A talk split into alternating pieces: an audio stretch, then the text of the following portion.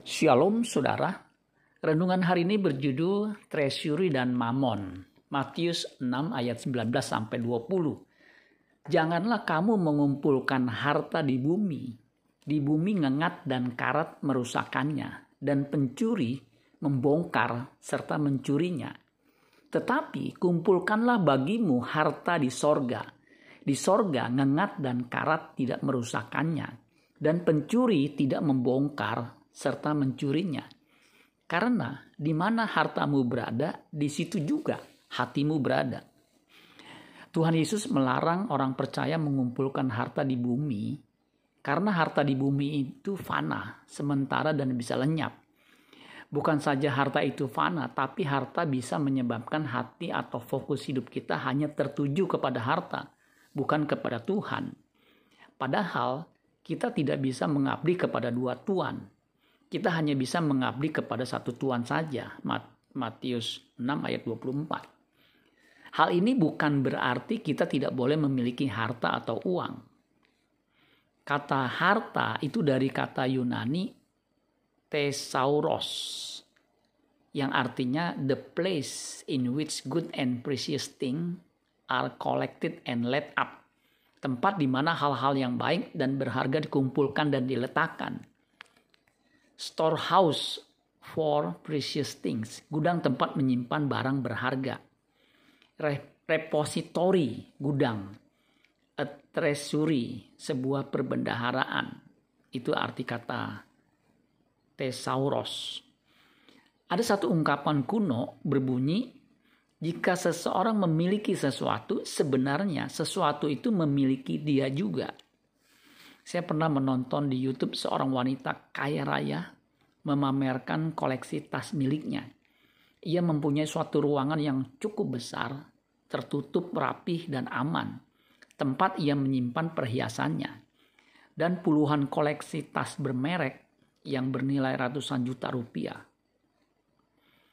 Untuk masuk ruangan tersebut perlu finger scan ada lagi pria yang punya hobi mengumpulkan puluhan koleksi mobil mewah di garasi yang berada di basement rumahnya. Ada lagi yang lebih heboh. Konon, ada seorang rohaniawan yang mempunyai uang di rekening banknya sekian triliun rupiah dan meninggal tanpa membawa hartanya. Wow. Yang terakhir ini speechless, miris sekali. Tuhan Yesus sudah mengatakan di mana hartamu berada, di situ hatimu. Bisa kebayang tidak? Jika orang percaya hatinya ada di harta bukan di Tuhan. Ia tidak akan bisa mengabdi dengan tulus kepada Tuhan. Tidak heran jika hamba Tuhan yang hatinya tertuju kepada harta, apa yang diajarkan pasti sepurt, seputar kekayaan dan kemakmuran. Gaya hidupnya pasti bourgeois yang anak muda sekarang zaman now mengatakan pastor in style. Orang yang hidupnya hanya tertuju kepada harta, lalu mengumpulkan harta tanpa memperdulikan Tuhan akan berakhir tragis. Seperti seorang kaya yang mengumpulkan harta bagi dirinya sendiri, dan ia tidak kaya di hadapan Tuhan. Ia mati dan meninggalkan hartanya dan masuk ke dalam penderitaan kekal. Lukas 12 ayat 19 sampai 21 dikatakan sesudah itu aku akan berkata kepada jiwaku, jiwaku ada padamu banyak barang tertimbun untuk bertahun-tahun lamanya.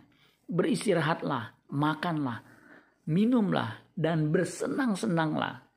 Tetapi firman Allah kepadanya, Hai engkau orang bodoh, pada malam ini juga jiwamu akan diambil daripadamu. Dan apa yang telah kau sediakan, untuk siapakah itu nanti? Demikianlah jadinya dengan orang yang mengumpulkan harta bagi dirinya sendiri, jikalau ia tidak kaya di hadapan Allah. Yang harus dikumpulkan oleh orang percaya adalah harta di sorga, yaitu perkenanan Tuhan. Untuk mendapatkan perkenanan Tuhan, kita harus membangun persahabatan dengan Tuhan dengan mempergunakan mamon yang tidak jujur. Mamon dari kata Yunani mamonas, artinya treasure. Treasure itu bendahara. Mamon juga artinya riches, kekayaan, wealth, kekayaan. Kata mamona sejajar atau sinonim dengan kata tesauros. Jika kekayaan jadi tuan, ia akan menipu kita sehingga kita tersesat jauh dari Tuhan.